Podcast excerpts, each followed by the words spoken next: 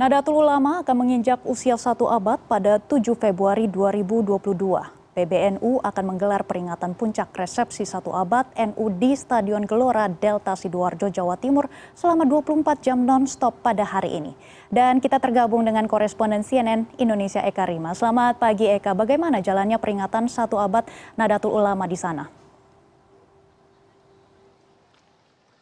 Ya Mevri, hari ini dimulai sejak pukul 00 pagi di kegiatan terkait resepsi puncak Harah Nadatul Ulama sudah dimulai dan tadi sekitar pukul 8 pagi dibuka langsung oleh Presiden. Ada Menteri BUMN, kemudian juga ada Mahfud MD, kemudian ada Sinta Nuriyah Isti Gus Dur, serta ada Yeni Wahid, kemudian beberapa menteri yang lainnya juga mendampingi di sana, serta puncak resepsi Harlah Nahdlatul Ulama ini menandai dari sekian kegiatan yang sudah dilakukan sebelumnya mulai dari uh, yang digelar di 250 titik, kemudian kemarin puncak dari halako fikih peradaban internasional digelar di Surabaya.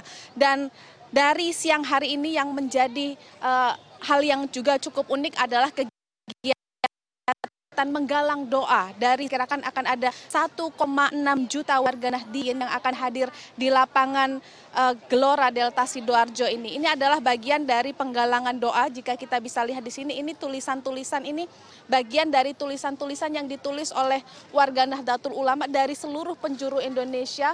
Semoga kompak dengan PKB. Ya, ini menjadi salah satu isu politik yang cukup hangat ya di tubuh Nahdlatul Ulama bagaimana ketidakharmonisan Nahdlatul Ulama dan juga PKB juga menjadi sorotan umatnya. Kemudian juga ada selamat harlah NU. Semoga di abad kedua NU tambah maju dan pesat. Oke. Dan juga beberapa harapan yang lainnya dituangkan secara kreatif di sini. Bersama saya sudah ada koordinator tim kreatif dari satu abad Nahdlatul Ulama. Selamat siang Pak. Sepertinya tampak Selamat lelah siang. sekali ya.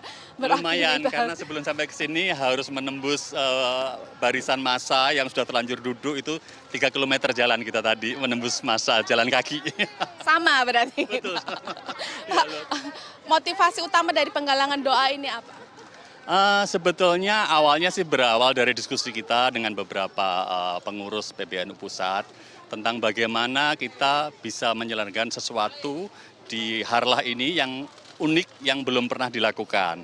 Dan kemudian syaratnya adalah yang melibatkan uh, umat Nah, jadi oleh karena itu kalau dilihat uh, title-nya itu judulnya yang kita pakai adalah Happening Art gitu ya.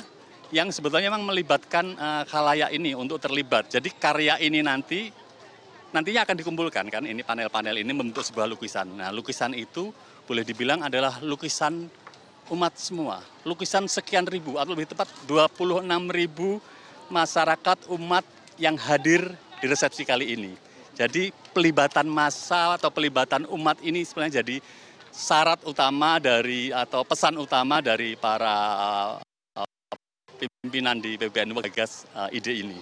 Terutama adalah ibu-ibu Fatayat tentu saja. Nji. Baik, terima kasih. Semoga doa-doa yang sudah terkumpul ini Betul. bisa dilangitkan dan terkabul. Amin. Amin. Dan Mevro yang menjadi pekerjaan rumah seperti biasa menghadirkan ribuan orang tentu meninggalkan persoalan salah satunya adalah persoalan sampah.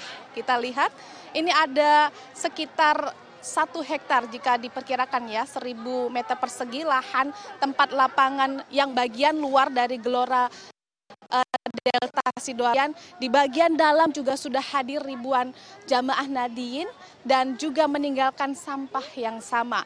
Kalau saya konfirmasi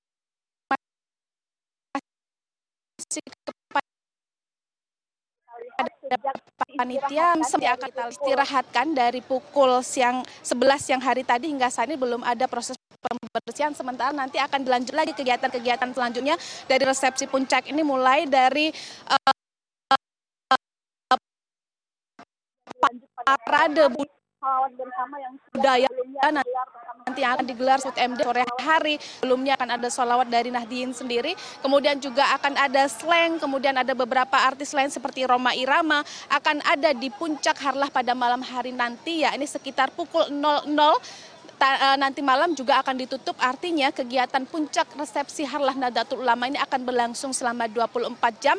Dan ada pesan-pesan penting yang disiratkan di sana oleh Presiden Joko Widodo pada pi- pidatonya tadi ya ini terkait bagaimana Nahdlatul Ulama lebih berperan optimal lagi untuk turun sebagai organisasi yang mendampingi umatnya terutama terkait dengan pendampingan pendidikan bagi generasi muda dan juga meningkatkan kesejahteraan masyarakat terutama masyarakat Nahdien yang diketahui ada sekitar 140 eh, juta atau 140 eh, ribu masyarakat Nahdien ini nantinya akan diharapkan menjadi salah satu hal yang perlu didamping oleh Nahdlatul Ulama terutama untuk menjaga perdamaian dan juga eh, kedamaian di Indonesia serta mempertahankan NKRI sebagai dasar negara Republik Indonesia dan juga go global dengan menjadi inisiator terbentuknya perdamaian di tingkat dunia dan menjaga stabilitas keamanan. Mevri. Baik, kami akan terus memantau acara peringatan satu abad Nadatul Ulama. Terima kasih Eka Rima atas laporan Anda. Selamat bertugas kembali.